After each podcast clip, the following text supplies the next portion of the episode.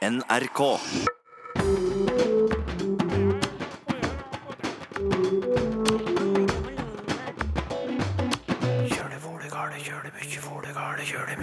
Hjortefot, Sitting Bull, Sølvpilen eller kanskje Månestråle?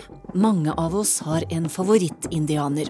Da blir det ståhei når Store norske leksikon vil fjerne ordet indianer. Må vi slutte å si det nå? Nei, ordet indianer kan fint brukes nøytralt. Æ, ø, å er slutten på alfabetet vårt. Men i Sverige sier de å, æ, ø. Hvorfor havna å-en bakerst hos oss? Det er aldri en selvsagt ting hvordan en skal legge inn nye bokstaver i et alfabet som eksisterer. Og tillegg har havna både her og der i løpet av historien. Vel møtt til Språkteigen. En språkdebatt har preget norske medier denne uka, nemlig debatten om ordet indianer. Store norske leksikon mener ordet er historisk feil og vil fjerne det. Ja, Ordet indianer er vel sånn definisjonen på en uh, upresis betegnelse. Så det vi har gjort nå, er å bytte ut indianerordet med amerikanske urfolk, fordi det er mer presist og mer dekkende. Da Columbus kom til Amerika med den første amerikabåten, trodde han landet var India, så jeg tenker han ble på gråten. Da han bare fikk se irokesere og apasjer og sumoikanere. Han tenkte vel det var det rette sted, så han kalte dem indianere. Som Alf Kranner synger, det var ikke India som møtte Columbus slik han trodde, men altså Amerika. Feilen han gjorde, bør ikke få definere hvordan vi beskriver verden i dag, 500 år etterpå, skrev sjefredaktør i Store norske leksikon, Erik Bolstad, i NRK Ytring denne uka. Det var avisen Dag og Tid som skrev om saken først. Men i uka som har gått, har det vært skrevet om indianere i lokalaviser over hele landet. For dette skaper engasjement og motstand. Ja, det syns jeg er trist. Fordi indianer er en del av den norske språkkulturen, nær sagt sa språkprofessor Finn Erik Vinje da han møtte Erik Bolstad til debatt i NRK Ytring i radioen. Vi som er oppvokst i dette landet, vi har hatt det som en, en forestilling som er så uten forstyrrelser at vi gjerne burde kunne få beholde den. Og at det kunne være upresist, det er ikke noe argument mot en term. Fordi det er en sentens i lingvistikken at det er ordets bruk, det er ordets betydning nå som betyr noe. Men Bolstad mener det handler om dems ansvar for å beskrive verden så presist som mulig, og når verden forandrer seg, så må òg leksikonet forandre seg. Indianerordet grupperer en hel haug med folk som uh, egentlig ikke har så mye med hverandre å gjøre. Når vi hører ordet indianer, så tenker vi på uh, cowboy og og folk på de amerikanske prærene. Um, men ordet har en, på en måte annen kontekst ved seg i, i dag. Ord endrer seg. Um, Finn Erik Vinje veit ganske sikkert hva fruktsommelig betyr. Um, det var et ord som fantes i mange mange, mange av våre medisinartikler, som vi tatt bort. Det betyr gravid. For de, som måtte, for de som måtte lure. Det er det veldig få av dagens 20-åringer som, som forstår. Og det gjelder også mange andre. altså Ord endrer, eh, endrer, innhold og betydning, og språket utvikler seg også. Sånn er det også med indianer. Nei, indianer er fullt levende i det norske språk. Det har ikke forandret seg det døyt. Det finnes der. Og at historien er litt sånn dunkel eller tvilsom, det er helt likegyldig for bruken av ordet. Ordet er sånn som vi har det, og sånn bør vi det bestå. Store norske leksikon har siden i sommer gått gjennom flere hundre artikler og omdefinert indianere til urbefolkning. Men det er jo ikke sånn at vi har fjerna alle indianere helt fra, fra leksikonet. Vi har fortsatt en artikkel som heter 'Indianer', og um, kommer til å ha det i all overskuelig framtid. På samme måte som vi har en artikkel om neger eller mulatt eller andre ord. Men da i en mer ord. historisk kontekst. Ja. Og det er flere ord som er på tur ut på samme måte. Det er ikke fryktelig lenge siden vi fjerna alle jomfruhinnene fra leksikonet. Fordi det er en term som har gått ut på dato og har med seg konnotasjoner som uh, ikke er bra. Og I tillegg så er det ganske upresist. Det er mystisk. Er det forbudt? Det enten, En kan naturligvis antagelig diskutere om eh, selve foreteelsen finnes, men at eh, uttrykket, selve frasen, er fjernet, det er da besynderlig. Det er i det hele tatt en litt besynderlig holdning til språk som vi kan avlese på denne måten. Språket er i prinsippet helt likegyldig overfor historiske forhold. Det er hvordan ordet fungerer i dag som er det viktige. Og ingen skal komme og fortelle meg at indianer er noe slags rasistisk uttrykk. Det betegner en type mennesker, men det er jo ikke noe utover det. Og det syns jeg kanskje disse velmenende menneskene som ønsker å manipulere språket slik at det passer til visse moderne forestillinger, så ser de bort fra dette. Språkets natur er at ordene holdes intakte, og betydningen kan endres, men eh, ikke noen manipulering av denne sort. Det var språkprofessor Finn Erik Vinje og sjefredaktør i Store norske leksikon, Erik Bolstad, som møttes til debatt om ordet indianer i NRK Ytring. Men hvordan skal vi som språkbrukere forholde oss til utspillet fra Store norske leksikon om at indianer gir uttrykk for en upresis og diskriminerende språkbruk? Bør vi slutte å si indianer? Daniel Ims, du er seksjonssjef i Språkrådet. Det er døkk som gir råd om norsk språkbruk, og syns døkk at ordet bør ut? Nei, vi har ikke vurdert eh, det sånn at eh, indianer bør få noen advarsel fra oss. Med andre ord så, så har vi jo eh, gjort det, altså sagt at f.eks. vi ikke bør bruke neger, fordi det kan brukes nedsettende på norsk, og mange vil da oppfatte det som støtende. Men gjelder ikke det for indianer? Nei, vi, vi mener at ordet i seg sjøl ikke har nedsettende betydning på norsk. Mye av skriveriet de siste uka har jo gått på folks årelange forhold til indianere, fra bøker, tegneserier og videre til lek i oppveksten. Og da henger hjertesukket i lufta.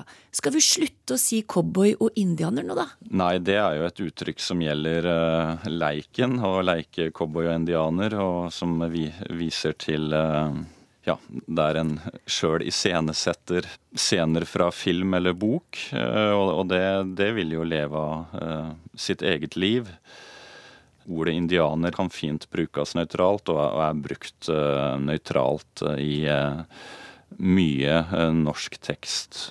Altså, Hvis en ser på spansk f.eks., så går eh, ordet indio inn i en rekke negativt lada uttrykk. Altså Det er mye nedsettende bruk med ordet indianer.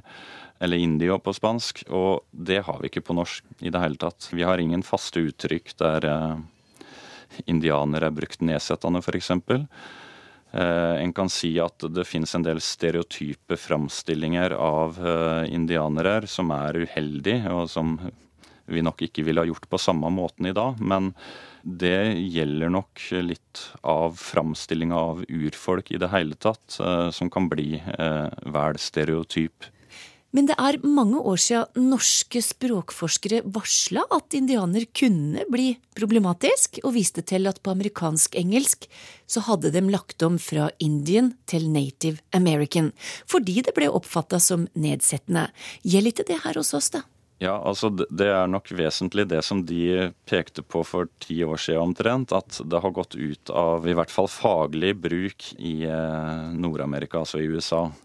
Eh, og det er nok der mye av påvirkninga kommer også for norske fagmiljøer. Da. Og da eh, har Indien på engelsk for det første kunne vært bruk det kunne bli brukt nedsettende, og det er eh, flertydig. Altså det kan kunne brukes både om indianere eller amerikanske urfolk, og det kunne brukes om en person fra India. På norsk så skiller vi jo der mellom indianere og indere. Sånn at vi har ikke den flertydigheta. flertydigheten. Og dermed så, så, er jo egentlig ikke amerikansk urbefolkning mer presist enn indianere er. En kan jo heller si at indianere er et uttrykk som gir mulighet til å individualisere. Så for Språkrådet så er det uansett eh, viktig å se på hva som er språkbruken i dag. Eh, det gjelder også om en skal mene noe om opphavet til ordet. Ja, uh, for det, det, sier jo Erik Bolstad her, at dette her bygger jo på en faktisk feil. Så det er på tide å rette opp at feilen fra i går, for å si det på den måten. Ja, uh, men der, vil nok vi si, som vi da gjør i andre sammenhenger, der en da peker på etymologien, opphavet til ordet, at det er ikke det vesentlige, uh, og, og egentlig ikke et godt argument, fordi skulle en rydda opp i ord som da egentlig betyr noe annet, så ville vi ha veldig mye å ta tak i. Vi kan jo sammenligne dette litt med ja, debatten om kjønnsnøytrale ord, f.eks., der en del peker på at ja, mann betyr jo egentlig menneske, så, så, derfor så må det kunne brukes kjønnsnøytralt i dag. Da mener vi at vi må se på språkbruken i dag, og da knytter mann som etterledelse seg, spesielt til eh, hannkjønn. Og Derfor så er det da på sin plass å, å, å kunne bruke kjønnsnøytrale uttrykk isteden. Eh, tilsvarende med, med, neger, så er det jo mange som da vil peke på at eh, ja, det betyr jo egentlig svart. Eh, men da må vi si at nei, det betyr ikke bare det på norsk i dag. Det blir også brukt nedsettende. Så det vil si, Språkrådets råd er bruk indianer som før, uavhengig av hva Store norske leksikon gjør? Ja, vi mener indianer fint må brukes, men det eh, som eh, Store norske leksikon eh, sier de ønsker å få fram, altså en mer presis framstilling av eh, amerikanske forhold og, og, språk i Amerika, eh, folkegrupper i Amerika, det, det, er et arbeid som vi også må gjøre med bokmålsordboka, nynorskordboka. Eksempel så har vi en del oppføringer der vi skriver at et ord er fra et indianerspråk, og det er veldig lite presist. Der bør det stå at det f.eks. er fra nahuatl, som vi har veldig mange ord fra. F.eks. sjokolade, tomat, chili. Eh, mange veldig vanlige ord eh, som kommer fra det språket. Og vi behandler ikke andre eh, språk på den måten. Det sa seksjonssjef i Språkrådet, Daniel Ims. I år har vi feira bokstaven Å, for i 100 år har vi hatt den offisielt i språket vårt. Men i dette systemet vårt av bokstaver, hva var det som avgjorde at den skulle plasseres helt til sist i alfabetet? Var det en selvfølge, eller hvordan holder den orden i sysaken når det handler om bokstaver? Arne Torp, professor i nordisk språkvitenskap, hva slags prinsipp ble lagt til grunn den gangen i 1917? Da tenkte en helt klart uh, ut ifra det som en kaller for det historiske prinsippet.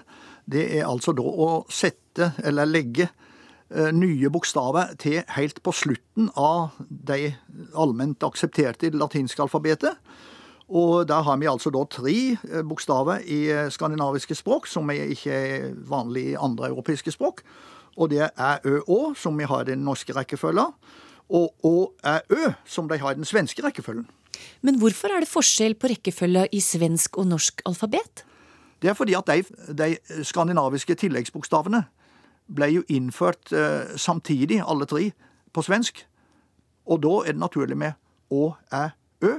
Og det er ut ifra det prinsippet som ellers gjelder når det gjelder alfabetet. Det er at den som kommer først i det vanlige alfabetet, den skal òg komme først dersom vi legger til nye bokstaver som er laga av to gamle bokstaver. Mens på norsk så kommer det historiske inn og forstørrer det, og setter altså da æ, ø og å til slutt av det historiske. Så det har aldri vært snakk om å skrive å-en aller, aller først, f.eks.? Og ja da, det er òg et prinsipp som en kan ha. Og det er å se på å-en som et slags variant av a-en. For den er jo den historisk sett en dobbel A, da. Og hvis en skjedde en på som er dobbel A, så skulle den komme aller først. Mm -hmm. Men det tror jeg ikke har vært vanlig å, bruke, å gjøre, fordi at uh, den har jo iallfall veldig lenge blitt uttalt som Å, og, mens bokstavene hett A. Så den har vanligvis, før de eh, fikk denne høye nyordninga, stått mellom A-en og B-en.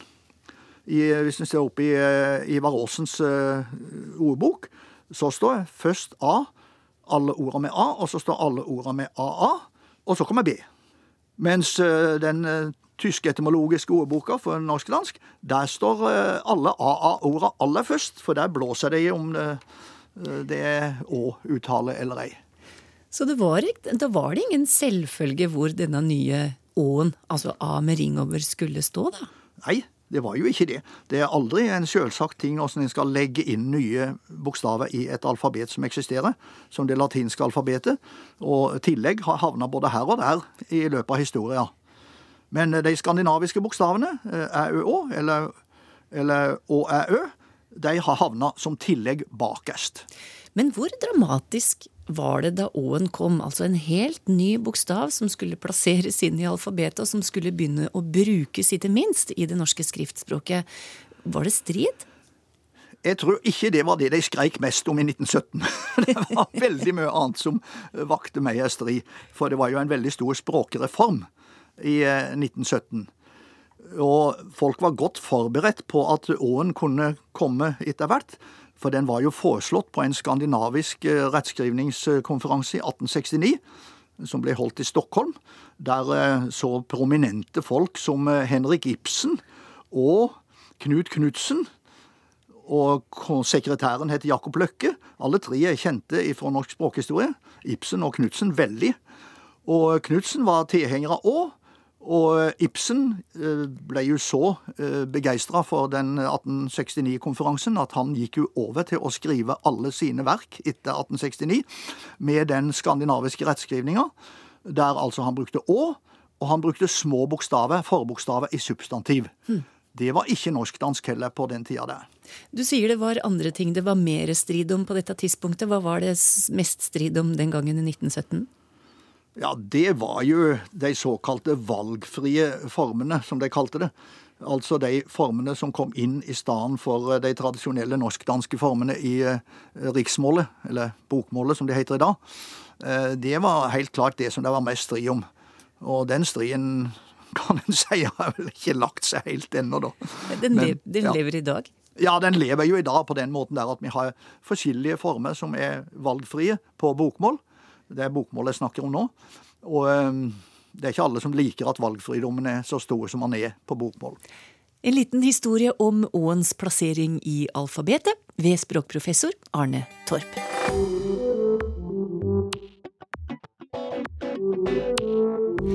Lytterspørsmål er neste post på programmet, og det er Toril Oppsal som skal svare på dem i dag.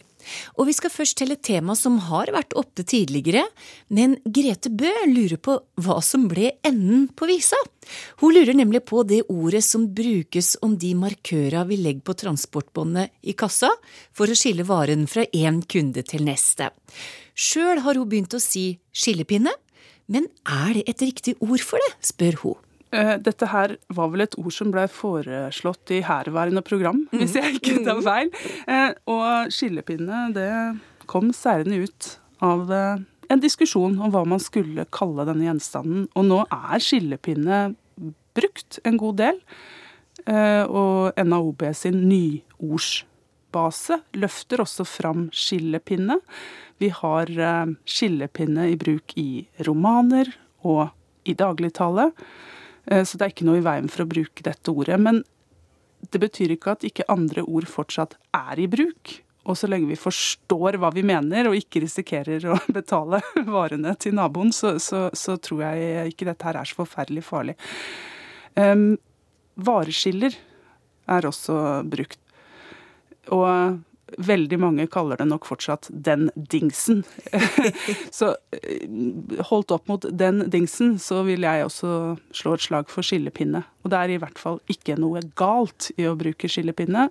Hvis vi skal velge mellom rett og galt, så er det nok rett det skillepinne bør assosieres med. Det fins noen yrker som òg opptrer som verb, f.eks. fisker og fiske, eller tømrer og tømre. Jeg har òg hørt bonde og bonde. Er det på frammarsj i språket, spør Nils Naustneset. Eh, dette er helt nytt for meg. Jeg har altså ikke hørt 'å bonde' brukt som et verb, men, men eh, det er jo fascinerende at bonde, substantivet bonde, i seg sjøl er jo strengt tatt i utgangspunktet et verb. Mm. Så, så, her har det skjedd noe litt baklengs, eller bakvendt, kan vi kanskje si. Fordi bonde, det betyr en som bor. Det er eh, presens partisipp av verbet å bua, så vi har buandi, det å ha en bostad, det å bo. Så der har du en bonde, som for så vidt da allerede er et verb. Men, men at å bonde skulle være brukt som verb om denne yrkesutøvelsen. Det har jeg faktisk ikke klart å finne eksempler på. Men, men denne lytteren har tydeligvis hørt det. Og det er jo ikke så merkelig å se for seg at dette her skjer nettopp i analogi med, altså at man hermer etter andre måter å bruke mm substantiv på som verb. Men å bonde, det har jeg funnet en del eksempler på. Eh, og det blir jo noe litt annet, men, men likevel så, så, er nok det en bruk som er henta fra engelsk, ja. og er noe annet enn å bo, og annet enn å drive landbruk. Det er to bond. Men man, eh, men man bonder kaniner, og man bonder med sitt eh, nyfødte barn osv. Og, så og sannelig min hatt så har også skrivemåten med å dukka opp i den betydningen. Det er godt at den bonder med sitt eget barn? Ja, det, det bør jo kanskje være et, et, mål, men samtidig så kunne vi vel like gjerne si at man skal knytte bånd. Og skape nærhet. Det er mange andre måter å uttrykke dette på, men viktig er det definitivt. Eh, men dette her med fisk og fisker osv. er jo det vi kan på et nivå kalle for ordfamilier, der vi har både verb og substantiv, og i noen tilfeller også adjektiver som har den samme formen, og som hører tett sammen. Så det er ikke noe mystisk med det. Men, men for meg så hørtes det litt mystisk ut med å, å bonde, men jeg lover å gå ut og lytte og, og, følge med på det, og så skal jeg svare på om det er på frammarsj eh, om en stund, tenker jeg. Marte Re Nolet er lærer og lurer på et ord etter at i klasserommet ofte dukker opp situasjoner der hun ber elever om å ta på utstyr så de kan lytte til lyd privat. Og spørsmålet er hva heter dette utstyret? Mm. Er det øretelefoner? Er det ørepropper? Er det høretelefoner? Hodesett? Hva er rett, skriver Marte på vegne av veldig mange. For det er både tre muddera, to stubb og sosiologiklassen på Halden videregående skole. Ja, jeg får jo prestasjonsangst av mindre. For jeg, jeg, jeg, jeg, er redd. Jeg, tør ikke å, å, gi noe endelig svar her. Men det jeg kan si, er at hodetelefoner i utgangspunktet er mye brukt. Men der har vi denne her bøylen over hodet mm. uh, i den prototypiske hodetelefonutformingen. Fordi her er det jo ikke snakk om en telefon som vi snakker i, dette her er snakk om lyd på avstand. Og høretelefoner er også brukt. Ja. Uh, jeg prøvde å grave litt i uh, ja, hva markedet har å tilby, men da er det kanskje ikke overraskende at vi har veldig mange engelske forslag. In-ear øretelefoner kan man bl.a. få få kjøpt. Kanskje ikke så begeistra for den varianten, men eh, ørepropper passer heller ikke. For eh, det er jo noe annet. Det er det vi putter inn når vi helst ikke, ikke vil høre. Ja, For å holde så, lyd ute, ja. Ja, nemlig. Mm. Men hva med det å få lyd inn? Eh, jeg støtter på en som foreslo øreknotter. Ja. Det, jeg liker den varianten litt, men det er ikke noe gærent i å bruke verken hodetelefoner eller høretelefoner selv om de kanskje gir noen litt andre assosiasjoner. Mm. Men eh, kanskje denne klassen i Halden kan prøve å ja, spre bruken av øreknotter. Det er et flott ord, altså. De kan iallfall bli ja. enige om det. Så ja. når du, Marte, sier eh, øre, ta fram øreknottene, så er det ingen diskusjon om det. Vi kan gjøre det sånn. God idé. Hvordan oppsto ordet snedig, spør Sylvi Haftorn. Mm. Dette her er et gammelt ord. Og det er brukt Eh, over store deler av landet. Det er brukt i mange eldre oppslagsverker. Og betydningen her varierer lite grann, men eh, det er gjerne en som er, eh, en som er snedig, er listig og lur, og kanskje også flink. Og litt ja, praktisk anlagt. Men snedig kan også bli brukt om bevegelser som er myke og smidige Og utgangspunktet her er nok rett og slett substantivet sned. Sned. Oh, ja. Eh, Det har mange betydninger. eh, og Utgangspunktet her er nok noe som er skåret ut av noe, et snitt. Men det kan også være en spøk, og det kan være noe som er litt skrått og litt skeivt. Og det minner om et annet ord som du kanskje dere har kjensel på, det er snei. ja. eh, Som også virker å være beslekta. Så her er det noe som er skrått, skeivt, smidig og greit. Og det er eh, ganske lurt. Og altså snedig. Jeg leser i Den svarte vikingen av Bergsvein Birgisson og ser at det skal være sammenheng mellom Axman Town og Austmannstun, skriver Bjørn Arve Andersen. Har det norske tun og det engelske town felles opphav? Og det er deilig å kunne svare kort og greit. Ja. det, ja, det det er det samme ordet. Eh, og vi kan jo tenke litt videre på det i en norsk sammenheng, fordi mange av oss tenker kanskje mest på den her åpne plassen mellom husa som tunet. Men tunet er også selve samlinga av hus, som i utgangspunktet tilhører ett og samme bruk. Så tunet er der husene står, og derfra å bygge opp til noe som blir en town, det, det skal ikke så veldig mye til. Vi finner også denne litt større husdanninga på norsk. Av og til så fins det hus som tilhører samme institusjon, eh, hvor man kan se Velkommen til um, Helsetunet, f.eks. Ja. Den, uh, den kan vi jo merke oss. Og i engelsk sammenheng så er det etter hvert nettopp ja, nær sagt størrelsene kommer an på, altså. Fordi her har du town som en motsats til en village. Og så har du også en city som gjerne er enda litt større, men det å skille mellom town og city, det krever ganske mye arbeid. Men city har ofte katedral, men den er i hvert fall en motsats til village, som blir det mer rurale uttrykket for en samling hus. Men tun og town. Hvis vi bare skal ta marka mellom husene, da. Hva kaller vi det, da? Nei, det er nok tunet det òg, skjønner du. Så her har vi muligheten også til midt inne i tjukkeste byen å møte på gårdstun mellom bygårder. Det ble det siste svaret i dag, det. Takk til deg, Toril Oppsal. Bli gjerne medlem i den nye Facebook-gruppa vår, som du finner via NRK P2 sin Facebook-side. Der kan du både spørre om språk og diskutere språk med andre. E-postadressa vår er som før teigen krøllalfa nrk.no, og så finner du oss på Twitter. Ha det riktig bra.